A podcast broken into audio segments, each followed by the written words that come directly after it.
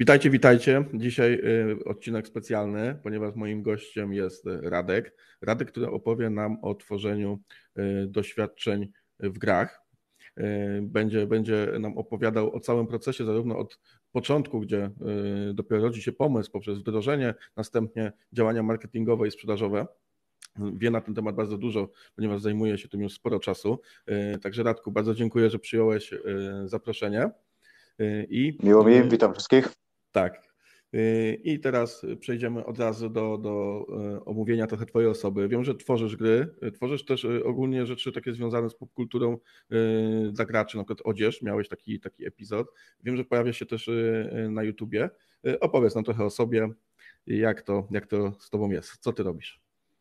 E, no tytułem wstępu trzeba zaznaczyć, że ja zajmuję się grami planszowymi żeby y, nikt tak, nie myślał, tak. że chodzi tutaj o, o gry wideo. Właśnie, też, to chodzi tutaj o też jakiś mały, mały, mały epizod y, miałem y, z grą na telefony komórkowe, ale generalnie zajmuję się praktycznie w 100% grami planszowymi. E, cała reszta, o której wspomniałeś, to jest raczej kwestia epizodyczna. Gdzieś tam się delikatnie, delikatnie pojawiają różne inne rzeczy, ale te planszówki mi towarzyszą całe życie i one są absolutnie najważniejsze.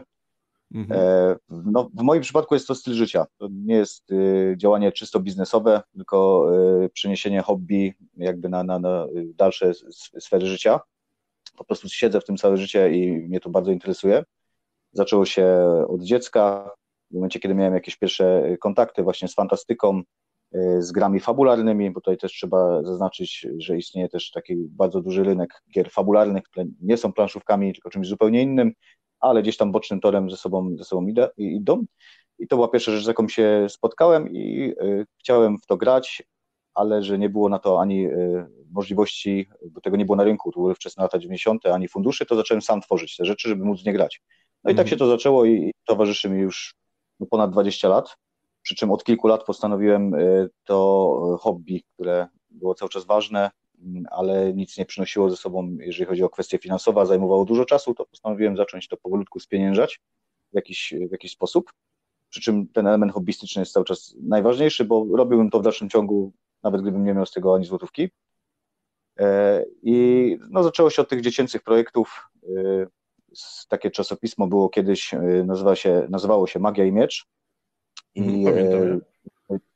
Moje pierwsze zetknięcie z tym y, było w momencie, kiedy jechałem nad morze. Mama na dworcu mi kupiła to czasopismo i w pociągu jadąc je czytałem i y, pochłonęło mnie bez reszty. Nie miałem zielonego pojęcia o co tam chodzi, dlatego że ono było tak skonstruowane, że y, może pierwsze numery tłumaczyły podstawy, a potem już szli raczej z nurtem i były po prostu same konkrety, a ja nie wiedziałem w ogóle o co chodzi. Były tam rozpisane jakieś przygody, jakieś elementy, rzeczy, które nie były wyjaśnione i ja sobie sam musiałem to dorabiać w głowie i i szybko wpadłem na pomysł, żeby z moimi kolegami e, spróbować właśnie przygodę w gry fabularne i tam też pojawiały się planszówki, e, więc e, ta twórczość była tak naprawdę, zanim poznałem komercyjne projekty, to już zacząłem je tworzyć w ten sposób, bo nie miałem do czynienia absolutnie z niczym fizycznie, a sam, sam próbowałem coś tam wymyślać.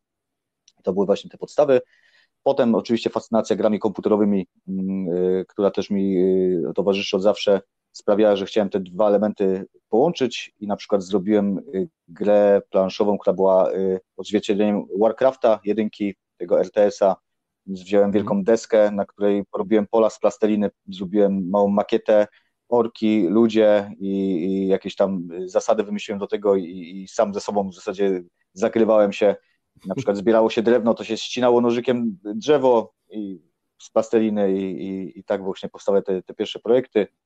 Potem z, y, z, razem z kolegami y, zorganizowałem właśnie taki klub gier fabularnych. Gry fabularne polegają na tym, że mamy mistrza gry i mamy graczy i mistrz gry y, opowiada historię, gracze opowiadają, co mówią, co, co robią ich postacie. To wszystko w jakiejś tam mechanice, w, jakiejś, w jakimś świecie się odbywa i te światy też tworzyłem samemu, bo nie miałem dostępu do, do tych, które są na rynku. Warhammer był moją największą inspiracją początkową stworzyłem na podstawie rzeczy, które znalazłem w Magii i Mieczu, tworzyłem po prostu swoje mechaniki do swojego Warhammera i, i gry, zagrywaliśmy się tak przez długie lata, chyba z 10 lat to trwało, jak co sobotę się spotykaliśmy i, i były prawie całodniowe sesje, więc tam tego dużo było. I cyberpunk, później też wymyśliłem swój cyberpunk, wiedząc tylko co to jest cyberpunk, to tworzyłem wszystko po swojemu i, i tak zawsze mnie interesowało tworzenie, a te elementy grania były na, na, jakby na drugim miejscu tak naprawdę. Chciałem dostarczać bardziej rozrywkę innym i, i tworzyć mechaniki, które działają, y, które mają coś odzwierciedlać. Pamiętam jak kiedyś na przykład przez kilka dni opracowałem system łowienia ryb do jakiejś gry. Nikt nigdy nie wykorzystał go, a ja miałem frajdę tylko z tego, że go tworzę. Nigdy to nie zostało użyte, a ja przez wiele dni opracowałem różne tabelki, mechaniki i tak dalej, jakie mhm. można tam jakieś dorsze łapać i jakimi wędkami i jak to będzie na mechanikę wpływało. To mnie zawsze kręciło i, i to się potem rozwijało właśnie e, stopniowo e, aż do momentu, kiedy zacząłem wchodzić delikatnie w komercyjne klimaty i, i do tej pory to się rozwija coraz szybciej. W tej chwili gwałtownie przyspieszyło ostatnio i, i zaczyna to mieć już tak ręce i nogi. Przez te wiele lat się dużo bardzo nauczyłem, więc teraz powolutku idzie to w bardziej profesjonalne elementy Mm -hmm. ja, w, ja, w ogóle myślę, że to, co powiedziałeś, e, to jest takie y, pokoleniowe doświadczenie trochę, ponieważ chyba dużo dzieciaków y, z naszych lat, bo jesteśmy w podobnym wieku, y, miało właśnie styczność z czymś, co się nagle pojawiło na rynku polskim. Ja na przykład gdzieś dorwałem jakiś numer Secret Service, tak, i czytałem o rzeczach, do których absolutnie nie miałem dostępu za dzieciaka, bo to no, nie było dostępne na rynku, czytałem o jakichś grach Y, komputerowych. Nie, nie miałem wtedy komputera, tak o internecie w ogóle nawet, nawet nie wiedziałem, że coś takiego istnieje, także y, było dużo takiej, takiej fascynacji właśnie jakimś takim y, odległym światem gier. Zresztą gry planszowe też gdzieś się przewijały, no i tutaj również, nie? Też miałem coś takiego, że nie miałem do tego dostępu, więc zaczynało się tworzyć coś samemu, jakieś, jakieś gry, tylko u Ciebie to poszło bardzo daleko i zostało z Tobą na wiele lat. U mnie, ze mną zostały gry komputerowe, i, którymi się fascynuję również pod kątem mechanik, ale ale, jakby nigdy nie byłem twórcą tego typu rozwiązań, a u Ciebie to się przerodziło no, w pasję, która została na lata, no i można powiedzieć, że teraz gdzieś idzie w kierunku zawodu, można powiedzieć. Nie? tak, tak. No, zdecydowanie widzę swoją przyszłość absolutnie w tym kierunku. Tutaj to bym mhm, chciał mhm. robić i to, to mnie pasjonuje od zawsze i te, nie ma opcji, żebym to porzucił, nawet jeżeli by to nie przeszło w jakąś sferę zawodową, bo mhm. to jest część mojego życia, najważ, najważniejsza, jeżeli chodzi o, o sferę wolnego czasu, hobby i, i, i tego, jak, jak bym chciał spędzać swój czas. E, więc to rzeczywiście tak jest, ale masz zdecydowaną rację, że to jest kwestia też pokoleniowa, bo po prostu w latach 90. nic nie mieliśmy, a te rzeczy się tak. pojawiały powoli i, i, wszyscy się nakręcali i też właśnie zbierałem i Secret Service i, i grałem na Commodore i potem na Amidze, więc te, te, te, gry tam cały czas mi, te, cały czas mi towarzyszyły i tak, tak. w zasadzie ja, ja właśnie pamiętam... od kilku lat jest pamiętam właśnie y, jedną z pierwszych gier tutaj na, na, na osiedlu była jedyna osoba, która miała się komputer i tam był y, Doom y, pierwszy, no to zagrałem jakieś, nie wiem, pewnie pół godziny, tak, i musiałem iść do domu. I pamiętam, że potem to, to rysowałem te, te, te, te demony jakieś, wycinałem z papieru, jakieś takie różne rzeczy zaczynałem tworzyć, też, też niesamowite za dzieciaka, więc, więc to, to musiało być, bardzo duży wpływ to wywierało, myślę, na, na młodych osobach, tak, bo tak. to zupełnie... Tak, zupełnie moje spotkania z, z, Doomem, z Doomem też nie, nie zapomnę nigdy, bo też, no, też no właśnie, podobnie jak ty. Zobaczyłem u kuzyna tego Duma i, i, się życie mi zmieniło, bo do, do tej pory grałem tylko na Commodore i na Amidze i nie mogłem w to uwierzyć, co tam się dzieje na ekranie. Tak, Dumie, tak, więc... tak. Też, też. Czy był Bomberman też Dużo. tam u tego samego kolegi, także Jezu, to jak to zobaczyłem, to też nie wierzyłem, że, że to tak wygląda, że to tak można w ogóle, że istnieją takie urządzenia, no, bo, tak? Znaczy, Bomberman chyba akurat nie był jakimś y, cudem technologicznym w porównaniu do, do Duma, nie? Nie musiał, nie Ale musiał być, to były pierwsze tak gry, jakie widziałeś. Cokolwiek. Ja zobaczyłem, że coś się rusza na ekranie i w to można grać, to wystarczyło. Mo, moje pierwsze spotkanie z grami e, cyfrowymi to był e, Pong edycji, to urządzenie chyba się nazywało Rambo, coś takiego, i to się kręciło tylko gałką i leciała paletka z góry na dół na telewizorze, takie czarno-białe. okay. ja pamiętam, że było pierwsze spotkanie. Potem był komodorek i, i to jakoś poszło. No tak, A planszówki no tak. też od, od, nie wiem ile miałem lat, chyba 7-8, jak się pierwszy raz właśnie zetknąłem z, y, ogólnie z grami, taki, no, no nie planszowymi, tylko tak jak mówię, właśnie z tym czasopismem i to wtedy wtedy, mhm. wtedy już poszło na konkrecie, bo pierwsza, pierwszą, pierwszą grę, jaką zagra, zagrałem planszową, to chyba, nie licząc oczywiście Chińczyka i Monopolii, ale tego jakby nie odbierałem jako prawdziwe planszówki, tylko to jakiś tam element życia codziennego był, że gdzieś tam ktoś czasami wyciągał mhm. Y, ten, ale to była na pewno też y, właśnie magia i miecz, ale tak naprawdę nią zagrałem w momencie, kiedy już sam stworzyłem x gier swoich, nie? a dopiero w pierwszą grę, którą można by powiedzieć, y, że jest jakby tym, czego jakby szukałem wcześniej, chociaż nie podobała mi się nigdy magia i miecz, to, to wiele lat później dopiero spotkałem. więc to, to, to tak, tak to poszło. A wracając do mojej historii, jeżeli chodzi o mm, ten moment, kiedy przyszedłem do strefy komercyjnej, to już wiadomo, że już byłem dorosłym mężczyzną i e, chyba to było tak, że mm, mój znajomy zagrał w jedną z moich gier. Bo ogólnie zawsze tworzyłem te gry dla siebie, tylko wyłącznie planszówki, bo mnie to bawi po prostu tworzenie samej mechaniki, mhm. że coś działa, albo na właśnie implementacja na przykład gry komputerowej w grę planszową, żeby te mechaniki gdzieś poprzynosić. Taki rodzaj zabawy, jak niektórzy sobie, nie wiem, malują, rysują, rozwiązują krzyżówki, to ja sobie robię mechaniki do gier planszowych po mhm, prostu. Mhm. I czasami wyszło coś na tyle ciekawego, że pokazywałem znajomym i jeden znajomy właśnie mi powiedział, że gra y, mu się tak bardzo podoba, że w ogóle on by chciał, żebym zrobił mu prototyp i on go kupi ode mnie. Wtedy mi się tak zaiskrzyło, że no, może rzeczywiście ma to jakiś sens, e, żeby coś, coś z tym iść y, bardziej, bardziej do ludzi.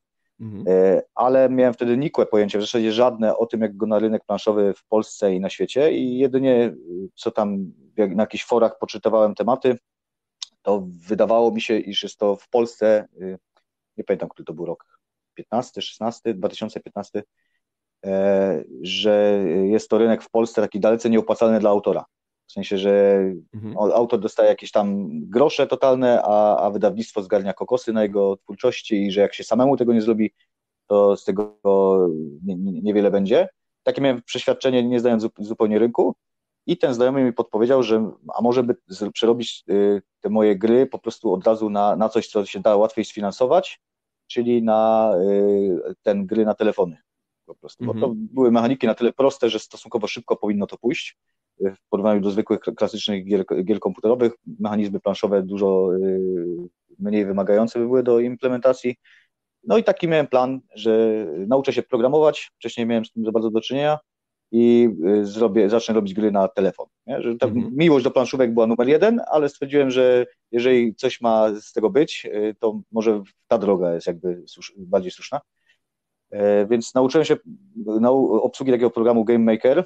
Bardzo mhm. fajny, ale z pewnymi ograniczeniami, jeżeli chodzi o możliwości. Mhm. I e, stworzyłem grę w ciągu roku y, na próbę. To była gra, się nazywała Knap, w tej chwili już raczej nigdzie niedostępna, na, na Google Playu była jak 500 osób ją na świecie ściągnęło, zarobiłem jednego dolara, więc całkiem nieźle. Od osoby, która y, napisała do mnie maila, że jej się gra bardzo podoba i ona mi prześle na PayPalu dolara za tą grę, bo gra wziął za darmo. Tak, było to dosyć miłe. Okay. Ale, ale proces tworzenia tej gry z kolei bardzo mi się nie podobał. Był zupełnie inny niż y, w planszówkach i y, przede wszystkim z mojego punktu widzenia 70% tworzenia to było szukanie błędów, bugów. Po prostu to było tak męczące, jest tak straszne, że coś się coś poprawiło, to pojawił się nowy błąd. I tak w kółko, i w kółko, i w kółko. To jest zupełnie inne doświadczenie niż podczas y, tworzenia planszówki, które polega na totalnie czymś innym. Y, ciężko mi powiedzieć, czy tworzenie większych gier komputerowych, a już tym bardziej w zespole, też się opiera w znacznym stopniu na walce właśnie z, z jakimiś niedociągnięciami, wiecznymi bugami i optymalizacją kodu, żeby to nie zwalniało, bo się okazywało, że miałem grę, której grafika była oparta na pańcie, a najlepsze telefony nie były w stanie to uciągnąć, nie? bo były jakieś wycieki. E, i trzeba było non-stop tego szukać i, i, po roku udało się to zoptymalizować i, i, i to działa. Zresztą gdzieś jeszcze no, chyba na Itch, e, Itch.io, taki e, jest portal z, też z grami, tam mhm. można to ściągnąć cały czas. I to działa i jestem powiedzmy, że zadowolony z tego jako element doświadczenia, ale stwierdziłem po tym roku, też trzeba tutaj bardzo wyraźnie zaznaczyć, że jestem strasznie uparty. Jak się czegoś podejmę, to ja już nie odpuszczam mimo że mi się to w trakcie. Nie podobało, to ja wiedziałem, że jak jest celne, to muszę zrobić ten projekt do końca. Nie? No i zrobiłem go do końca i go na Google Play umieściłem, mimo że to już wiedziałem, że w połowie, że to nie jest coś, co, co mnie kręci, e, ale, ale to zaistniało i, i, zaraz potem wiedziałem, że to trzeba już wrócić do planszówek i, i tym się trzymać, bo tam jest proces twórczy, jest przede wszystkim wybitnie przyjemny. E, z mojego punktu widzenia po prostu, jest, jest bardzo fajny, a tutaj to była raczej męczarnia, po prostu musiałem skończyć projekt, który zacząłem, I potem pojawił się pomysł e, właśnie powrotu do korzeni bardziej i e, nie brałem pod uwagę cały czas wersów. Brałem udział też w jakichś małych konkursach, co prawda, ale też z mojego punktu widzenia teraźniejszego to dosyć mocno nieudolnie to wyglądało, bo jak całe życie robiłem te mechaniki gier, tak na przykład nigdy nie musiałem do nich pisać instrukcji, no bo po co instrukcje, skoro ja tylko sam się tym bawiłem, nie? I na tym polu totalnie leżałem, zresztą do tej pory, do tej pory jest to bolączka, ale nie, na szczęście nie tylko moja, bo są też gry komercyjne z bardzo dużych wydawnictw, które mają totalnie spaprane e, instrukcje, więc to nie jest kwestia tego, że ja sobie z tym nie radzę, po prostu tak naprawdę to jest najtrudniejszy element tworzenia gry, zrobienie dobrej instrukcji, okay. takiej naprawdę, że od razu wiadomo o co chodzi. To jest, to jest sztuka. E, mhm. I postanowiłem wtedy stworzyć e, grę na Wspieram to. To były, gra się nazywała Czarowierze. E, I wtedy dopiero tak naprawdę zacząłem mieć kontakt ze społecznością prawdziwym. Bo ja generalnie jestem odludkiem, jestem samotnikiem, zawsze gdzieś tam sam ze sobą się najlepiej czułem. Te projekty były dlatego takie wewnętrzne. I dopiero jak zacząłem na Facebooku i, i ten wychodzić do ludzi, żeby się pod, podpytać, zdobyć trochę wiedzy, jak to wszystko wygląda i, i móc też y, jakoś rozpromować tą moją zbliżającą się grę czarowie, że była prosta karcianka, e, bardzo, e, z bardzo sprytną mechaniką, która się tak naprawdę opierała na rozwinięte kółko i krzyżyk. Więc mogły małe dzieci w nią grać, tylko że dużo głębsza. Sam podstawa jest taka, że trzeba było trzy karty ułożyć po prostu w linię, mhm. ale, ale, ale dużo ciekawsza rozgrywka. No i gdzieś ten proces twórczy, y, proces twórczy przebiegał. No, zrobiłem mechanikę, poszuka, poszukałem y, graficzki, która mi y, to narysowała. Później był proces też wyszukania wydruku. Też znalazłem, wszystkie opcje były najtańsze po prostu. Nie znałem się na tym zupełnie, więc szukałem ze wszystkich ofert najtańszych. Dysponowałem zerowym budżetem generalnie w tym, w tym momencie mm -hmm. zupełnie. Nie? I co ważne, ten projekt też był komercyjny w tym sensie, że on miał się uda- pojawić na rynku, ale on y, był zaplanowany na to, żeby tą grę wydać, a nie żeby na niej zarobić.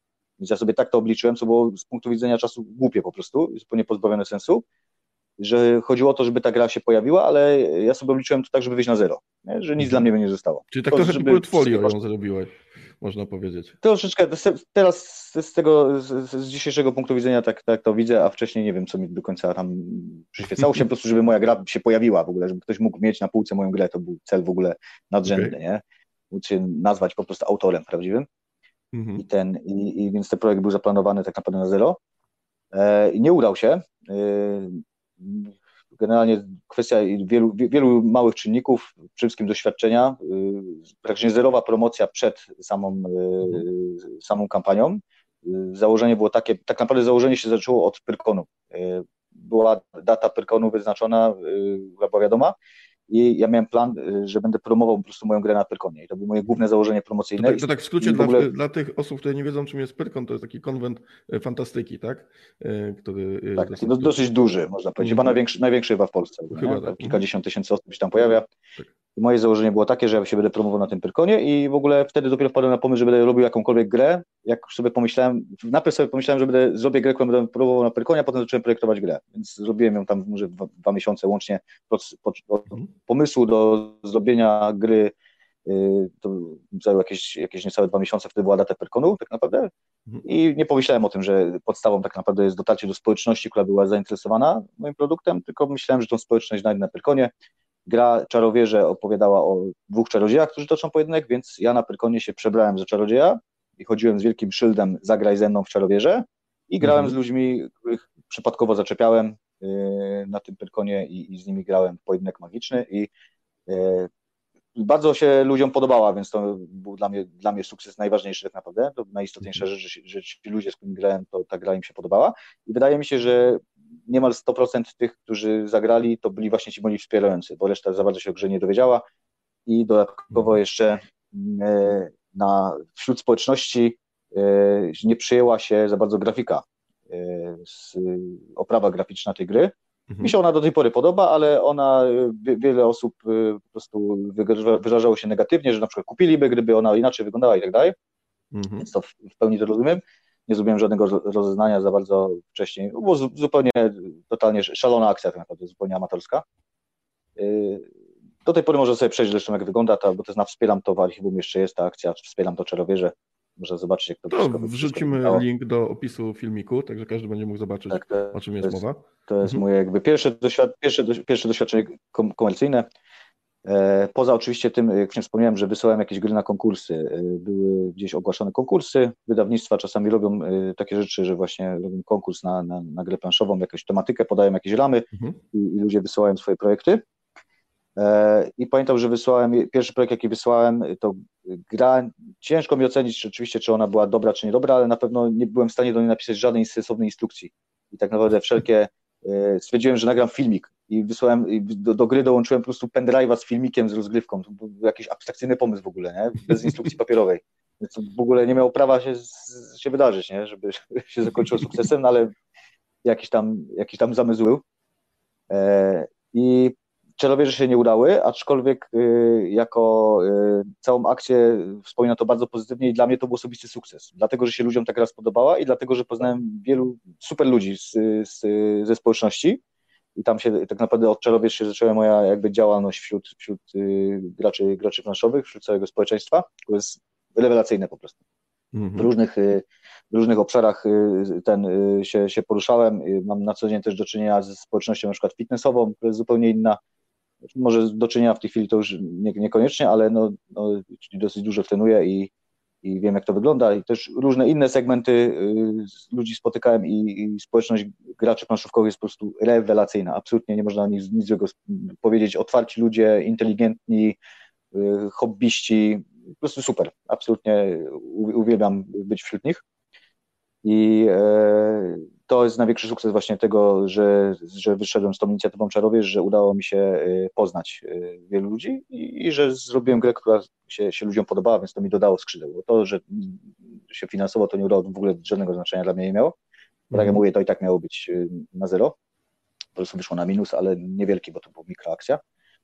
I zostało mi jeszcze kilka egzemplarzy, nie, jeden egzemplarz mam tylko taki, co dostałem próbkę z drukarni po prostu. Znalazłem też naj, najtańszy możliwy wydruk i mam jedno pudełeczko na pamiątkę zachowane. A gra w dalszym ciągu jest całkiem ciekawa, może jeszcze jakąś przyszłość, przyszłość się czeka. No właśnie, chciałem to zapytać, nie myślałeś, żeby zrobić jakąś reedycję, bo wspomniałeś, że ludzie może trochę narzekali na wygląd, ale sama mechanika się podobała. Nie myślałeś, żeby może Tak, więc tego... po, po, powiedzmy, że nie zapeszam, bo te, temat jest w trakcie, o tak bym powiedział. Okej, okay, okej. Okay. Czarowierze, czarowierze jeszcze, jeszcze, jeszcze o nich usłyszymy. Kiedyś wrócę. Tak, na pewno i to w dużo ciekawszej wersji, rozbudowanej i tak dalej, ale, ale to jest, y, nie, nie jest jakby zamknięta rzecz. Mhm. E, I później robiłem, e, potem na kolejny przełom, jaki nastąpił, znaczy w sumie teraz warto, żebym zaznaczył, jak wygląda właśnie proces tworzenia takiej, takiej gry, bo to jest dosyć tak, istotne. Tak, to, to też. Mhm. To może właśnie przejdźmy trochę bo... do tworzenia, a potem opowiedz właśnie o tych sukcesach komercyjnych, bo one nadeszły. Mhm. E, jak, jak w ogóle do tego podchodzisz? W sensie, jak rodzi się pomysł? To, to nie jest chyba tak, że nie wiem, wybija ósma, siadasz, do, bo, bo trzeba usiąść do roboty, jak to mówią, odbić kartę na zakładzie i zaczynam projektować, tylko, tylko jak wygląda ten proces kreatywny? No to jest w pełni spontaniczne jest. W moim przypadku, bo ciężko mi się wypowiadać za, inny, za innych autorów, ale w moim przypadku jest to w pełni spontaniczne. Zawsze są, y, jeden z dwóch elementów następuje. Albo jest to temat, albo jest to mechanika. Temat wygląda to na takiej zasadzie, że załóżmy oglądasz sobie film i mhm. widzisz jakiś element filmu i nagle ci świta w głowie, że to mógł, z tego można by zrobić grę, grę planszową. Mhm. Może to być y, oczywiście coś bardzo oczywistego, typu, że oglądasz, nie wiem, serial fantazy, na przykład Castlevania i sobie myślisz, o, ale była fajna planszówka, mhm. zaczynasz rozkminiać, jakby mogła wyglądać, ale może być coś zupełnie y, totalnie banalnego, że spojrzysz na przykład na dwie mrówki, które przechodzą po ścianie i, się, i sobie pomyślisz, a można by zrobić planszówkę, gdzie mrówki dostarczają jakiś towar nie? Do, do mrowiska. Okay. I też okay. gdzieś to instynktownie się dzieje zupełnie, nie jest jakby planowane, ale pojawia się ta myśl i wtedy człowiek kombinuje, jakie mechaniki do tego tematu można podłożyć, w jaki sposób by to miało działać. I też w drugą stronę, że czasami e, też pojawia się to zupełnie spontanicznie, pojawia się jakiś pomysł na mechanikę, zupełnie przypadkiem, e, typu na przykład stoję na światłach i światła się zmieniają i, i ta zależność zmieniania świateł mi sprawia, że wpadam jakiś pomysł do głowy, właśnie gdzie kolory w jakiś sposób e, w zależności od tego, co się dzieje, się zmieniają i, i tego typu rzeczy. I potem do tej mechaniki, jak się już ją y, stworzy, to stara się z kolei dobrać temat. Chyba, że jest to abstrakt logiczny, czyli gra, która teoretycznie jest pozbawiona tematu i jest tam jakby słucha mechanika, tylko mhm. się przystawia jakieś kafelki, typu na przykład na warcaby na przykład. Nie? No tak, w zasadzie, tak. że nie ma tam tematyki, tylko jest czysta mechanika. I i w ten sposób y, to działa i to też jest dosyć istotne, szczególnie w przypadku tego, w tym drugim przypadku, y, gdzie do głowy wpada jakieś mechaniki, y, to może się dziać bardzo gwałtownie właśnie podczas jazdy samochodem, podczas mhm. prysznicu, jedzenia obiadu i tak dalej. jest też bardzo istotne, żeby bardzo szybko zapisać ten pomysł, bo mhm. tych pomysłów jest dużo, jak ktoś tym rzeczywiście żyje tym y, i trzeba usiąść szybko, wyjąć notesik, zapisać albo y, na komputerze sam szkic od razu, jak się w trakcie zapisywania już się pojawiają oczywiście nowe pomysły, jak to rozbudować i tak dalej, i tak dalej. I z czego się może z, y, w trakcie obiadu może się okazać, że trzeba odłożyć obiad i przez pół godziny pisać tekst, nie? więc tak też się okay. zdarza jak są, są takie właśnie natchnienia, bo tak to można chyba nazwać. Tak, tak, właśnie, bo tak mi się każe, to jest takie trochę natchnienie, tak? Jak, tak, jak, troszeczkę, troszeczkę tak to wygląda. No. I, i oczywiście no, trochę, trochę artystyczna, a z drugiej strony też mocno rzemieślnicza, więc tutaj tak, tak. chociaż z drugiej strony czasem artyści też często muszą jakby dłubać, żeby coś uzyskać. Tak. E, I e, potem się weryfikuje to, bo też jest drugim elementem istotnym, że kiedy już mamy ten pomysł, który wykiełkował albo z mechaniki, albo z tematyki, która później e, została zaimplementowana w jakąś mechanikę, to później trzeba jak najszybciej sprawdzić, czy to działa. Wielu autorów też tutaj popełnia taki mały błąd, który oczywiście ja też popełniałem i stąd mam tą wiedzę, że za długo rozkminiali nad czymś, czego jeszcze nie sprawdzili bo mamy jakąś bazę mechaniczną, typu na mhm. przykład, że są trzy karty, jedna przykryła drugą, a ta trzecia tą pierwszą i oni zamiast sprawdzić od razu, czy to działa, to zaczęli wokół tego już tworzyć jakieś tam naprawdę kolosalne rzeczy i, i pójść dopiero po wielu godzinach albo nawet dniach stworzyli pierwszy prototyp, żeby zobaczyć, czy w ogóle działa. się okazało, że u podstaw to totalnie nie działa. Nie? Więc okay. jak najszybciej trzeba przenieść podstawowy pomysł y, w jakieś ramy y, wykonalne, y, jak najniższym kosztem. To też jest osobny, osobna kwestia, która dla autorów powinna być bardzo istotna, żeby się nie tutaj spinać, żeby ten prototyp pierwszy, w ogóle to w zasadzie jest bardzo duży błąd, nie? że pierwszy prototyp powinien być symboliczny. Tutaj mam na przykład, bo w tej chwili jesteśmy w mojej pracowni i to akurat mhm. pod ręką mam różne rzeczy, na przykład na takich zwykłych karteczkach. Nie? Piszemy markerem różne rzeczy, bierzemy podstawowe elementy, mipel na przykład, który symbolizuje ludzika, jakieś kosteczki do, do rzutu kością i, i, te elementy, które są, można wykorzystać wielokrotnie, nie, nie, nie wiążą się z żadnym kosztem, czyli nie musimy mhm. niczego ani projektować na komputerze, a już tym bardziej nie zlecać komercyjnie do, do, do druku za, za pieniądze w momencie, kiedy nie jest przetestowane i na tym testujemy. I na tym robimy testy do bólu, to sobie poprawiamy, niszczymy, wyrzucamy, wycinamy i, to, jest, to okay. zajmuje bardzo dużo czasu. A jak działa, to dopiero możemy dorzucać y, jakieś y, kolejne, kolejne elementy. W ten sposób się buduje ten trzon gry i e, w momencie, kiedy e, już ten trzon gry w tych testach jakby autorskich. A, ale te testy są tak? jakby. Zapraszasz kogoś do tych testów, czy, czy jakoś. Nie, właśnie do tego, do, tego chciałem, do tego właśnie chciałem teraz nawiązać, a, okay. że ten, jak mamy ten pierwszy trzon, że samemu sobie sprawdzamy, czy coś działa, mhm. bo da, da, w pewnym zakresie da się to sprawdzić, oczywiście. Nie? Nawet jeżeli wymyślamy grę imprezową, która polega na interakcji z innymi ludźmi, albo grę, która jest od czterech graczy, to samemu te podstawy podstaw można jakoś zobaczyć i w momencie, kiedy wiemy, że to wydaje się mieć jakiś sens, to dopiero wtedy mhm. badamy na, e, na jakiejś grupie testerów. Jeżeli mamy profesjonalnych testerów, to oczywiście e, co bardzo, bardzo, bardzo polecam, to oczywiście z nimi, ale w tej pierwszej kolejności można po prostu jakichś bliższych znajomych, e, typu jak w moim przypadku na przykład żonę, zaangażować do tego, żeby zobaczyła ze mną, czy to działa, czy ma sens i tak dalej. Później jakichś znajomych przy okazji, jeżeli się gdzieś nawiną, a potem możemy iść już do profesjonalnych testerów, są profesjonalne grupy testerskie, na przykład tutaj y, w Poznaniu mamy taką świetną grupę Pamper, to są bardzo wysokiej klasy specjaliści, jeżeli chodzi o, o projektowanie gier planszowych i, i, testowanie. I w innych zakątkach Polski też cała masa takich grup i są naprawdę odpowiednie osoby, które zawsze udzielą odpowiedniego feedbacku I tam właśnie się cały e, zamysł gry rozbija, bo na, na ogół e, bardzo często jest tak, że te osoby, które patrzą z zewnątrz, widzą to, czego nie widzi autor. Jeżeli mają jakieś doświadczenie, to są w stanie właśnie mu udzielić poprawnych wskazówek i często ta gra przechodzi mocną ewolucję. Się okazuje, że część rzeczy trzeba wyrzucić, część trzeba zrobić zupełnie inaczej. Czasami gra się po prostu do niczego nie nadaje, bo autor nie przewidział, że jakiś element sprawia na przykład, że jest zawsze taktyka, która daje pewną wygraną i cała mechanika leży, trzeba ją zaprojektować od nowa a czasem się okazuje, że mechanizm jest na tyle dobry, że, że należy go po prostu rozwijać i testować y, ten dalsze, dalsze formy. Więc te grupy testerskie, profesjonalne y, są jak najbardziej polecane. No, tak samo zresztą jak, nie muszą to być oczywiście grupy, ale to może być spotkanie klubowe. Są też kluby dosyć liczne w Polsce, które po prostu spotykają się, żeby grać w gry planszowe.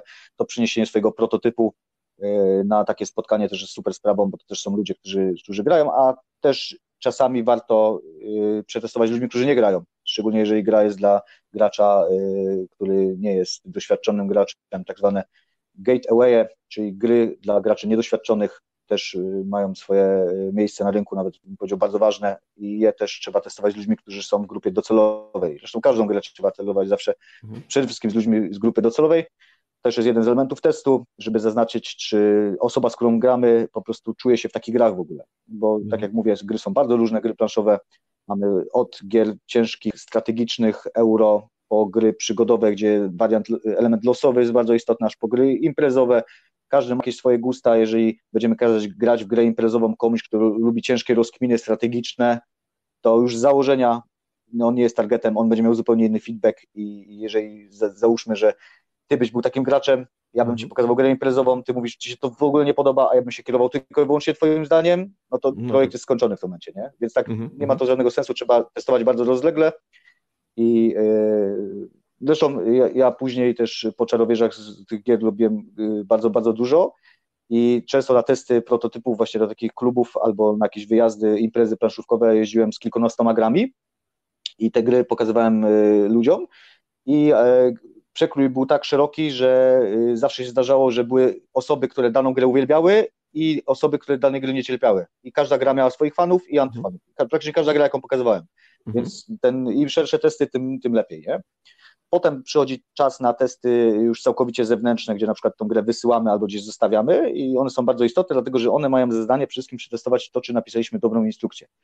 Co prawda w mhm. procesie wydawniczym y, instrukcja nauki i tak będzie pisana przez osobę trzecią, to jest dosyć ważne, żeby ktoś zrozumiał Twoją grę i napisał po swojemu, jakaś y, osoba, która się profesjonalnie tym y, zajmuje, mhm. ale jeżeli uda się autorowi napisać dobrą instrukcję, w szczególności w przypadkach takich jak ja, gdzie ja jestem całkowicie indie deweloperem w tej chwili i robię wszystko sam, więc muszę napisać instrukcję, która jest jakoś sensowna, i ją wysyłamy komuś i on sobie gra tylko na podstawie instrukcji, my w ogóle nie, nie tłumaczymy mu nic i tak dalej, on traktuje już jako taki produkt, który ma samemu jakby ogarnąć i, i wtedy, wtedy to rozkminia. I to też jest ważny element testów, jakby taki ostateczny, gdzie wysyłamy tą grę i, i, ten feedback już, i w tym momencie już można sobie się pokusić o to, żeby ten y, prototyp był dużo ładniejszy, nie?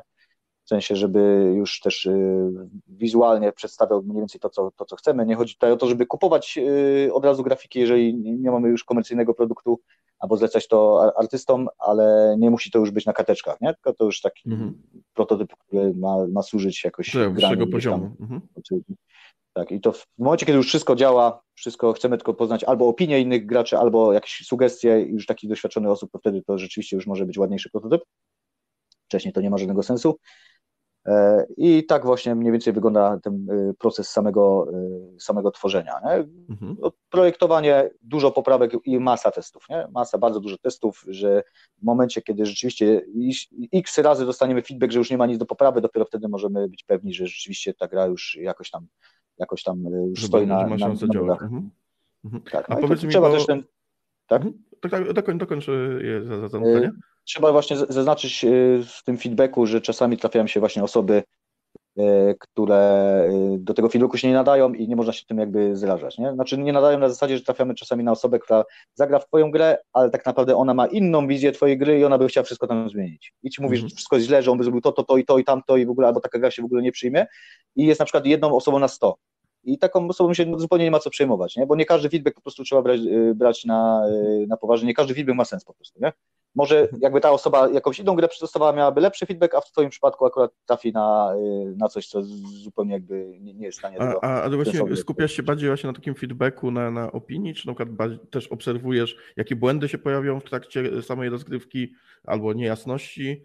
Y, jak, tak, jak obydwa elementy są. Obydwa elementy są tak samo istotne. Mhm. Ten feedback mechaniczny, który Y, jest odpowiedzią jakby na, na, Twoje pytania, na, na, to, co ludzie myślą o mechanice, na ogół pochodzi od zaawansowanych graczy albo testerów, a z kolei y, obserwowanie tego, jak sobie radzą, y, najlepiej sprawdza. Znaczy, we wszystkich przypadkach oczywiście trzeba obserwować i patrzeć, ale co gracze sami z siebie kombinują, gdzie mogą się pojawiać błędy, bo czasami jest tak, że gracz nie popełnia jakiegoś błędu, ale to obserwując jaką, jaką gra, widzisz, że jakby zrobił jeszcze jeden ruch, to by ci wysypał grę na przykład, nie? I już trzeba to sobie zanotować. No i notatki oczywiście, jak obsługujemy e, czyjąś rozgrywkę, trzeba robić bardzo solidne notatki, bo to się tylko wydaje człowiekowi, że zapamięta, nigdy nie zapamiętuje, więc e, trzeba właśnie sobie notować, co trzeba poprawić, gdzie są jakieś potrzebne elementy do zmiany i to wszystko musi być na bieżąco monitorowane, jeżeli ma być profesjonalnie zrobione. Więc tak to wygląda właśnie ten, ten mhm. proces, proces twórczy początkowy bo później w wydawnictwie to oczywiście jeszcze przybiera innych ram zupełnie.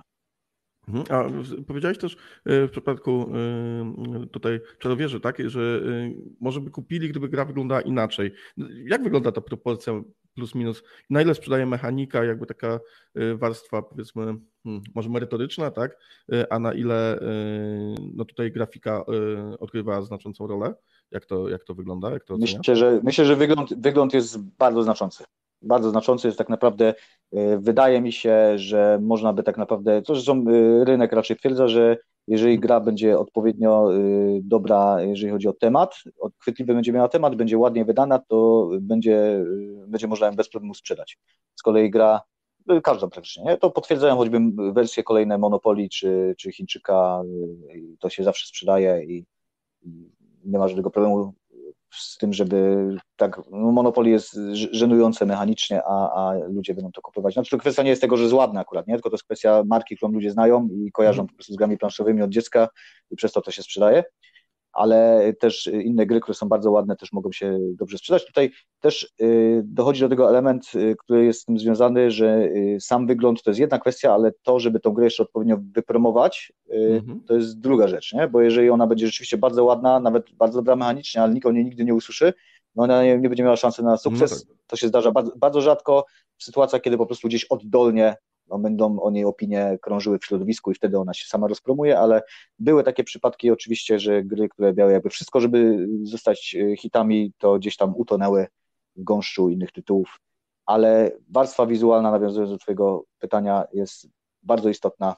E, chyba, no, ciężko mi powiedzieć, że najważniejsza, ale odpowiednio dobrana e, mechanika z tą warstwą wizualną do, do danego targetu to jest ten jakby, jakby klucz. Nie?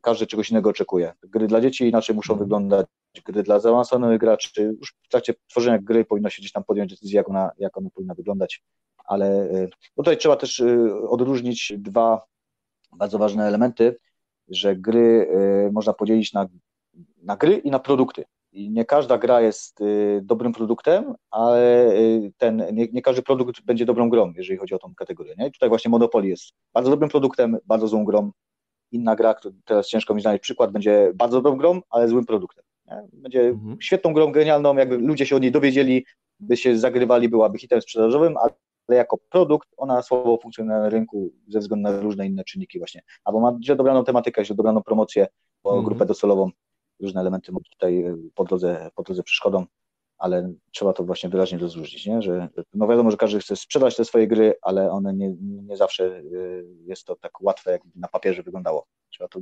szczegółowo zaplanować. Mhm. E, a właśnie e, to, to jeszcze takie pytanie odnośnie tego tworzenia mechanik. E, na przykład takie kwestie jak, nie wiem, właśnie dostosowanie poziomu trudności albo jakiegoś skalowania czy spotkałem się z grami, które mają jakiś podział, że można grać na różnym etapie, powiedzmy, na różnych zasadach, w zależności od tego, jak ma dana gra być trudna. Jak, jak, jak to na przykład wyglądają takie e, typu rzeczy, takie typowo mechaniczne, w sensie jak, jak to planujesz, że to będzie akurat tak czy inaczej? To wynika właśnie z tych testów i jakby ewolucji, czy gdzieś już to masz w głowie, masz jakiś plan, do kogo to skierować, jak to stworzyć? Znaczy nie, to, to przede wszystkim wychodzi na testach, czy gra jest y, trudna, czy nie. Oczywiście już przy wymyślaniu podstawowych mechanik mniej więcej można się zorientować, y, do, do, kogo to będzie skierowane, jak już tam jakieś doświadczenie się ma w tworzeniu, czy będzie to bardzo trudne, czy, czy to będzie właśnie jakieś lekkie, bo jeżeli zakładamy, że ruchy będą się opierać nie wiem, na, na rzutu kością albo losowaniu, losowaniu kart, to będzie coś zupełnie innego niż kiedy wiemy, że mamy kilkanaście czynników ze sobą złożyć, żeby wykonać y, jakieś, mhm. jakieś okay. akcje więc to już na tym początkowym etapie mniej więcej, a potem zależy to od rozwoju gry, bo y, też jest y, ciekawy element. Większość, no 99% podejrzewam gier kiedy y, mają być wydane, to są okrajane do, mak do maksimum możliwości, po to, żeby było jak najmniej komponentów. Nie? Grę zawsze zmniejszamy. Ogólnie tak jak mamy jakąś grę, to ona i pójdzie do wydawcy, on będzie zawsze ją zmniejszał, nie? będzie zawsze szukał cięcia kosztów. Nie? Okay. Wyjątkiem ewentualnie mogą być projekty kickstarterowe, które z założenia, czyli crowdfunding, gdzie ludzie się zrzucają mm. na wydanie jakiejś gry, która normalnie by nie została wydana przez wydawcę, na ogół właśnie ze względu na koszty, bo założenie by miało takie, że to się nie sprzeda albo się nie opłaca tego wyprodukować i w takich projektach Kickstarterowych często się nie zwraca uwagi na oszczędności, tylko y, po prostu stara się robić projekt. Y, takie w każdym razie były wstępne założenia jakby tych projektów, bo teraz no, może to inaczej już wyglądać, szczególnie ze względu na wzrost kosztów produkcji ogólnoświatowej. ale było takie założenie, że robimy to, jak to ma, miało wyglądać w zamyśle autora, nie? A, ale jeżeli są gry komercyjnie wydawane i pójdziemy z taką grą do wydawnictwa, to wydawnictwo na pewno będzie chciał uciąć wszystko, co się da, byle gra jeszcze działała. Nie? Okay, Więc te okay. wszystkie elementy, do, dodatki jakieś, coś, co może na przykład, jakaś rzecz, która może służyć kilku rzeczom naraz, mam na przykład trzy wskaźniki, ale w rzeczywistości dałoby się zastąpić to jednym, to na pewno tego będą szukać. Nie? Tym się zajmują okay. designerzy w wydawnictwach, którzy właśnie stosują tą grę autora do, do wydania. Okej, okay, okej. Okay. Dobra, e, powiedz mi w takim razie, mamy tą grę, e, mamy ją przetestowaną, zaprojektowaną, jakby przeszliśmy e, jakąś drogę, no i teraz musimy zacząć ją promować, musimy ją jakoś sfinansować. Jak tutaj to wygląda? Jak, jakie kroki powinniśmy... Tutaj no, mogę pokazać jakby swój, przy, swój, mhm. swój przypadek, bo innych za bardzo nie znam. Ja zrobiłem w tej chwili, jestem w trakcie czwartej albo piątej kampanii wspieraczkowej, musiałem sobie, no chyba, chyba piątej, z czarowieżami licząc. No tutaj po mój pomysł, no właśnie to jakby dalsza część mojej historii prywatnej, w momencie pandemii moje źródło oryginalne zarobków się bardzo skurczyło i postanowiłem, że trzeba by coś może z tymi grami zadziałać, żeby się uratować finansowo. I równocześnie pojawiły się bardzo liczne posty na grupach o gry, które można wydrukować w domu. Wszyscy zostali uwięzieni na początku pandemii w domu mm. i, i pytanie o to, żeby wydrukować gry, no i wpadłem na pomysł, że może zrobię wspieraczkę z grami właśnie, które będzie można wydrukować.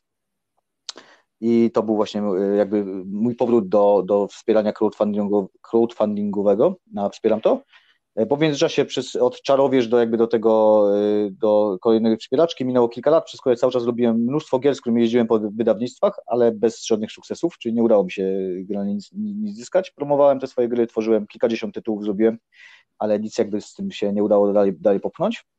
E, I jak podjąłem właśnie własną inicjatywę, to, to tutaj jakby pandemia mnie, mnie tutaj do tego mocno popchnęła. E, I wiedząc, że gram, e, gry muszą być w formacie print and play, czyli do samodzielnego wydruku, szukałem odpowiednich mechanik, które mogły do tego pasować. E, I tutaj okazały się idealnym gry typu Roll and Ride, które polegają na tym, że na podstawie rzutów kostką wykonujemy jakieś akcje i rysujemy na planszy z grą. Nie? Czyli okay. coś wydrujemy i, one ruchy są wykonane za pomocą rysowania czegoś, pisania, skrania i tak dalej. Takie gry w tamtą okresie też były dosyć popularne, więc to wydawało się całkiem sensowne. Stworzyłem w ciągu miesiąca kolekcję gier, albo na podstawie mechanik, które już miałem z innych gier, po prostu je poprzerabiałem, albo stworzyłem od nowa i, i rozpocząłem mhm. właśnie akcję y, na Wspieram to. Miałem zamiar zebrać tam może z 2-3 tysiące złotych, żeby po prostu trochę podreperować domowy budżet. Okazało się, że y, sukces był dużo, dużo większy, bo tam było 13 czy 14 tysięcy, więc to już y, był odczuwalny zastrzyk, zastrzyk gotówki i to było bardzo fajne. I e, o, najbardziej mnie oczywiście cieszyło to, że ludziom się te gry podobały, to było, to było super.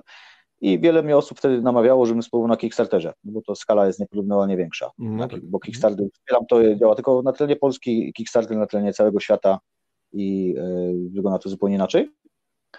E, więc zacząłem powolutku przerabiać jakby te projekty, które zrobiłem, dorzucać do tego nowe w kierunku Kickstartera.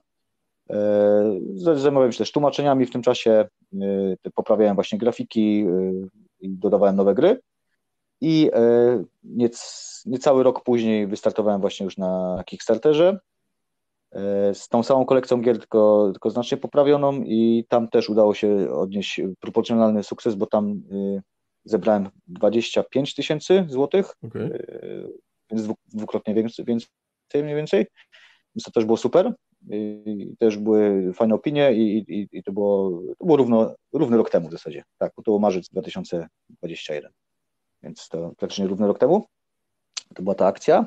Wtedy już y, musiało to wejść, y, w momencie, kiedy chciałem Kickstartera na Wspieram, to jednorazowa taka akcja jakby nie wiązała się z, z, z większymi formalnościami, ale y, kiedy wchodziłem już na Kickstartera, to już musiałem przejść jakby w pewnym sensie na zawodowstwo, musiałem założyć firmę, bo to już nie wchodziło okay. w grę, żebym jako prywatna osoba, więc musiałem założyć działalność, czyli de facto stworzyłem swoje własne wydawnictwo tak naprawdę, nie? W skali mikro, mikro, a nawet jeszcze mniej, jedna osoba, która robi gry do wydruku domowego, ciężko nazwać wydawnictwem, no ale formalnie mam swoje wydawnictwo Więc tak się właśnie zaczęło równy, równy rok temu. Później stworzyłem swój sklep, ten internetowy do, do zakupu tych gier przez internet, które już były wcześniej na Kickstarterze. Sklep nazwałem Hammer, Hammer Dice, czyli młotokostka i e, tam można te, te, te, te, gry kupić. No i pracowałem nad kolejnymi projektami. E, następny projekt to były gry dla dzieci. Tutaj inspiracja była taka, że dużo osób, e, które kupiło moje gry z tej właśnie pierwszej kolekcji, to pytało się, czy te gry się nadają dla dzieci i tych osób było na tyle dużo, że stwierdziłem, że zrobię pakiet gier typowo dla dzieci. I tam się pojawiły małe schody, dlatego że bardzo ciężko było to rozpromować społeczność graczy jednak, e, mimo iż tam oczywiście było, jest cały czas bardzo dużo rodziców, to jednak nie jest to target i tutaj z promocją, mimo że podejmowałem podobne akcje, tutaj zresztą od razu może znaczę, jak wyglądała promocja przy tym, tak, tak. E, przy tym Kickstarterze i na wspieram to. E, głównie opierała się ona na, na Facebooku, na działalności w grupach, które były jakby, tam, tam byli ludzie, którzy byli moją grupą docelową, więc tam się udzielałem, opisywałem tę gry, wstawiałem jakieś posty, które miały y, promować już w trakcie kampanii, y, były też wykupione reklamy na Facebooku, które właśnie były skierowane do, do, do grupy docelowej i tak to początkowo wyglądało. Troszkę trudniej, w sumie no dużo trudniej było właśnie w Kickstarterze, dlatego że o ile te grupy polskie są w zasadzie w tej chwili jedna jest taka duża i kilka, i kilka pomniejszych, to tam nigdy nie było jakiegoś większego problemu, e, to tyle te grupy zagraniczne są bardzo surowo moderowane i posty, które wyglądały za bardzo na promocję, to szybko spadały. Można było łatwo bana wyłapać, więc tam trzeba było no bardzo tak. ostrożnie i troszkę naokoło się, się tego poruszać. I podobnie reklamy e, płatne i też wykupione w różnych mediach około planszówkowych, y, które się właśnie zajmują recenzjami y, i tego typu rzeczy. W tamtym przypadku też y, jeszcze nie zadbałem szczególnie o recenzję, czyli było troszkę za późno, miałem może jedną, dwie recenzje, gameplaye tak zwane też, gdzie ktoś grał na YouTubie w moje, moje gry i pokazywał jak to działa, co bardzo dużą popularność zapewnia, ale tego nie ogarniałem jeszcze. Głównie skupiłem się właśnie na promocji facebookowej. E, i w tym no, też zadziałało, ale te same narzędzia w przypadku kampanii z grami dla dzieci e, już jakby nie, nie spełniły swojej roli. Kampania e, też oczywiście przyniosła zyski, ale były dużo mniejsze niż, niż z poprzednich, tam około 6-7 tysięcy złotych łącznie, więc to, to był dużo, dużo słabszy efekt tej, tej, tej, tego promowania. No i dzisiaj bardzo duży problem z dotarciem do grupy docelowej, bo o ile plansz, planszówkowicze po prostu nie byli tym za bardzo zainteresowani w ogóle, nie było reakcji, to te grupy docelowe, których od początku szukałem, bo to były gry, które były zaplanowane do tego, żeby można było grać z, dużymi, z dużą grupą dzieci, typu na przykład na zajęciach szkolnych, w świetlicach szkolnych, na imprezach dla dzieci albo z dziećmi w domu, to te grupy właśnie docelowe, jakieś nauczycielskie albo y, z pomocami naukowymi i tak dalej, e, to one nie pozwalały na posty komercyjne, a albo tam było praktycznie zerowe zainteresowanie. Więc tutaj promocja mocno kulała, nie było już żadnej szansy na znalezienie jakiegokolwiek recenzenta, albo y, żeby ktoś zrobił y, na gameplay na, na YouTubie, choćby z tego względu, że to był pakiet gier. To też trzeba zaznaczyć, że to były w tej pierwszej paczce było 13 gier, E, w tych e, pierwszych moich kampaniach w tej grze dla dzieci też było ich prawie, prawie 20 i to był tak naprawdę, mi się wydawało, że to był atut, no bo jednak cena była bardzo niska, bo to było tam dosłownie kilka dolarów, e, a dostawało się prawie 20 gier, ale w rzeczywistości sprawiało, że był duży problem z promowaniem tego, bo nikt nie chciał właśnie się zająć recenzją tego, no bo nie miał czasu, żeby to ogrywać. Mm. Na filmie też to bardzo ciężko przedstawić 20 gier, za dużo zachodu, więc tutaj promocja jakby zupełnie, zupełnie odpadała. E, I e, teraz dopiero jestem w trakcie kolejnej kampanii. E, tym razem z zupełnie w innym kierunku poszedłem, bo zrobiłem jedną grę, ale taką z dużo wyższej półki, Island Alone, o przetrwaniu na bezludnej wyspie. Mhm. I tam całą, całą jakby moc w zrobienie tego jednego tytułu włożyłem. I tutaj się rzeczywiście duży sukces y, udało osiągnąć. Tutaj y, mam wrażenie, że odrobiłem lekcję domową, bo tutaj przede wszystkim zadbałem o to promocję, bo y, grę wysłałem do recenzji do ponad 20 recenzentów zagranicznych. Tych recenzji była cała masa, cała masa filmików na YouTubie, i też dużo zainwestowałem w, w reklamę i facebookową i wykupienie na różnych portalach informacji o mojej grze, jak się pojawiała, takich właśnie z branży, z branży planszówkowej, amerykańskiej głównie. I tutaj rzeczywiście to kampania się jeszcze nie skończyła, ale już jest sukces jest bardzo duży, więc to okay. nie ma porównania z poprzednimi kampaniami. Nie? Mm -hmm. Tutaj możliwość, że w okolicy 80-90 tysięcy się zatrzyma, więc to jest o, różnica jest no, Faktycznie, faktycznie. A powiedz mi ten rynek y, Polska kontra właśnie nie wiem, Ameryka, zagranica szeroko pojęta, yy, istotnie różny, jeśli chodzi o gry planszowe, jak to wygląda? Y, nasz rynek jest, mam wrażenie, bo już mówię z punktu widzenia małego indie y, twórcy, jest dojrzewający, tak bym powiedział. Okay. Oczywiście amerykański jest nieporównywalnie bardziej rozwinięty, jeżeli chodzi o, o, fundusze, bo tam naprawdę małe projekty są w stanie o gigantyczne pieniądze zebrać e, i, i ludzie tym bardziej, bardziej żyją, mają całą masę właśnie bardzo licznych grup, masę youtuberów, którzy są naprawdę tam istotni y, w tej branży, mają dużo, dużo do powiedzenia, więc to jest dużo bardziej rozwinięte, ale u nas to też y, małymi krokami idzie do przodu. I tutaj jest y, duża ciekawostka, że polscy twórcy są bardzo cenieni ogólnie na zachodzie. Kampanie crowdfundingowe na Kickstarterze najlepsze w historii są właśnie robione przez Polaków. Te największe sukcesy, jakie są, to są w zasadzie polskie gry. To jest właśnie na przykład Nemesis, to jest y, gra oparta na, na historii obcego, mhm. Y, który też był jeden z większych sukcesów. To ogólnie z gry, które właśnie są przez, przez polskie wydawnictwa często na Kickstarterze, to są największe sukcesy w ogóle w historii, jeżeli chodzi o, o planszówkę. Oczywiście cała masa też duże sukcesy, ale Polacy się tutaj wyróżniają, są cenieni jako, jako autorzy na, na zachodzie. E, I, e, ale nasz rynek sam powolutku, powolutku się, się zwiększa no, zdecydowanie rośnie. Jest jednym z większych w Europie na pewno. Tam Niemcy i Francja chyba są większe, jeżeli mhm. nie jestem do końca pewien, ale, ale ogólnie jest jeden, w tej chwili jest jeden z większych, ale to jest, w dalszym ciągu jest to inny świat niż, niż Stany, tak jak zresztą z grami choćby komputerowymi i tak dalej. Zawsze Stany są tutaj, jeżeli chodzi o popkulturę, najmocniejsze, ale, ale to idzie w prawidłowym kierunku. Nie? To bardzo fajnie się rozwija, też pandemia tutaj dużo, dużo, dużo pomogła, ludzie więcej grali w te planszówki, więc to też no tak, tak skokowo Dużym utrudnieniem y, niestety w tej chwili zaczynają być koszty produkcji, bo tutaj e, no wszystko w tej chwili, ceny wszystkiego rosną, od papieru przez, y, przez wszystkie przesyłki i tak dalej i, te gry mają opóźnienia, które są dosyłane. Tutaj pojawia się moja przewaga, bo moje gry są do ściągnięcia w PDF-ie i do wydruku w domu, nie? więc to akurat omijam ten cały problem i to też jest jeden z elementów, który mnie jakby blokował y, na chwilę obecną, żeby wydawać gry fizyczne. Nie, nie chciałem sobie robić sztucznych problemów w tej chwili gdzie z pierwszym projektem bym wchodził na przykład jakieś problemy z dostawami i, i, i nagle wzrost kosztów w połowie kampanii opowe, bo takie są przy, przypadki, nie? że już no mają tak. wszystko obcykane, a nagle się dowiadują, że drukarnia im jednak narzuca dwa, dwa razy większe koszty nie? i się okazuje, że gra mhm. jest, do gry muszą dopłacić zamiast za nie zarobić. Nie?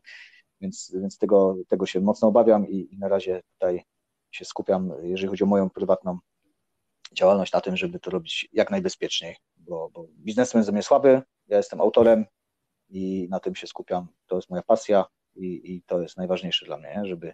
No, dla, dla, mnie największą wartością jest to, że się ludziom y, moje gry podobają. Nie? To mi daje motywację do tworzenia tego najprawdziwszą, ale że w związku z tym, że spędzę na tym każdą wolną chwilę, no to rodzina mnie zamordowała, jakbym nie miał z tego złotów, nie? No bo to jednak no tak, całe, życie tego się, całe życie się wokół tego skupia i, i, i bym tylko i wyłącznie ponosił koszty, no to bym tutaj się musiał wyprowadzić chyba. Więc musiałem przejść na drogę, drogę bardziej komercyjną. Dobra, to y, zbliżamy się już do godziny naszego spotkania. Dużo już zostało powiedziane. To może dwie takie ciekawostki y, na, na, na koniec. Wiem, że ostatnio udało Ci się wygrać grę na, z licencją na Sherlocka. To takie yy, bardzo tak, skromnie znaczy, tam pisałeś na Facebooku o tym, ale jak, jak to było? Znaczy, wy, wydać za dużo powiedziane. Ja po prostu wygrałem konkurs. Był no, no. konkurs no. przez wydawnictwo Lucky, Lucky Duck zorganizowany na mhm. właśnie grę w tym uniwersum no i tak się udało, że mój projekt się spodobał najbardziej i, i gra właśnie została wydana. Jest to rzeczywiście y, pierwsza gra mojego autorstwa, którą fizycznie y, mam pudełko na, na tym, na, na, na regale. Jestem z tego powodu bardzo dumny, mhm. Y, że udało się wreszcie osiągnąć ten cel. Zupełnie przypadkiem, bo się totalnie tego nie spodziewałem. Nie? To okay. jest totalnie dla mnie zaskoczenie ogromne, że wygrałem ten konkurs. I się bardzo z tego powodu cieszę. Więc to, to jest super sprawa. Osobna kwestia, że nie wiem jak ta gra została odebrana, dlatego że ona jest według mnie bardzo fajna w swojej kategorii, ale ta gra to jest układanka logiczna, a z opinii czytam, że ludzie się spodziewali opowieści detektywistycznej, takiej, bo to jest na okay. podstawie licencji no tak, no serialu mhm. i ludzie myśleli, że to będzie opowiadało jakąś, jakąś historię, a, a to jest taka przyjemna układanka logiczna, w którą można zagrać i, i z dziećmi i z babcią, a tylko motyw jest po prostu serialowy a, mhm. a wszyscy oczekiwali, że to będzie jakaś y, opowieść taka fabularna. Ale to też y, uwarunkowane tym po prostu, że, y, że będzie więcej gier z tego uniwersum i chodzi o to, żeby dotrzeć do każdej grupy docelowej okay. i akurat moja gra ma trafić do tej najszerszej grupy docelowej, nie? żeby każdy mógł nią zagrać, kto na, nigdy w życiu planszówki nie miał w rękach. Nie? Rozumiem, rozumiem. Więc, no to druga ciekawostka no, fajny sukces, na koniec. To druga ciekawostka na koniec. Wspominałeś e, o odzieży, że miałeś taki epizod, odzież dla, dla, e, tutaj dla, dla graczy, tak, szeroko pojętych. I wiem, że masz na sobie i to jest bardzo kreatywne. Powiedziałbym, powiedziałbym nawet bardziej dla, dla nerdów. Dla nerdów, tak jest. Bardziej tak dla jest. nerdów nawet niż dla graczy. Tak, wiem, że masz ją tak na sobie. Jakbyś, no to też miałem taki malutki projekcie, bo nie wiem, czy to będzie. No, znaczy, moja mama jest krawcową i miałem w, w pewnym momencie, za chwilę pokażę, ale najpierw opowiem właśnie, jaki był mhm. pomysł, bo moja mama jest krawcową i wpadłem właśnie na pomysł, żeby robić jakieś takie nietypowe rzeczy bo akurat no, kreatywności mi nie brakuje, więc y, w tym wypadku padło na ubrania i to jest akurat, ta bluza, która tutaj jest, to jest bluza anatomiczna, gdzie pod spodem y, są części ciała, to jest serce, które jest za wysoko i tutaj danie główne, czyli jelito jeszcze na brzuchu w kieszeni. Okej, okay, to było Prawda? I inne, inne są oczywiście z motywami właśnie z gier, y, z Duma, jest bluza, która jest y, zrobiona jakby z mapy do Heroes of Might and Magic mm-hmm. i kilka innych takich, tylko że to się nie przyjęło, nie? Znaczy nie przyjęło. Podejrzewam, że gdybym spędził na tym właśnie cały swój wolny czas i się na tym skupił, to by coś tam może z tego było, w szczególności na zachodzie, ale tutaj to wymagało za, duży, za dużo pracy, a, a zyski z tego były raczej mikroskopijne. No, jeżeli chyba, że duże były potwornie drogie, więc to odrzuciłem. Ale jest to bardzo kreatywne. Mam kilka prototypów właśnie, które sobie noszę, bo tak, bluzy są fajne, więc je sobie noszę i, i, i to jest fajna, fajna rzecz, taka pamiątka trochę, potem pomyślę bardziej. Okej, okay, okej. Okay. Dobra, no, czy na koniec coś dla naszych y, słuchaczy chciałbyś yy, powiedzieć? Może coś zareklamować? Może do czegoś zachęcić? Yy, ostatnie takie. Żeby grali w planszówki przede wszystkim, nie? Żeby grali w planszówki jak najwięcej, bo to jest najfajniejsze hobby, jakie tylko może istnieć. I e, społeczność planszówkowa to też są najlepsi ludzie, jakich w życiu poznałem, więc polecam obydwie rzeczy. Grać i, i poznawać ludzi. To jest naprawdę super sprawa. Bardzo warto. Okej, okay, dobra, ja w takim razie bardzo dziękuję, za, że przyjąłeś zaproszenie. Dziękuję, że nam opowiedziałeś o tym wszystkim. To było nie, niezwykle ciekawe. Yy, także grajcie w planszówki, poznawajcie ludzi. Bardzo fajne wezwanie do, do działania. Niech tak się dzieje. Raz jeszcze dziękuję. Dziękuję wszystkim za wysłuchanie. Również dziękuję. Jeśli Wam Bardzo się podobało, miło. to zajrzyjcie do, do sklepu Radka, zajrzyjcie na jego e, zbiórki crowdfundingowe, grajcie w jego gry i e, widzimy się w kolejnych materiałach, w kolejnych wywiadach. To do usłyszenia. Również dziękuję. Wszystkim. Pozdrawiam. Cześć. Hej. Hej.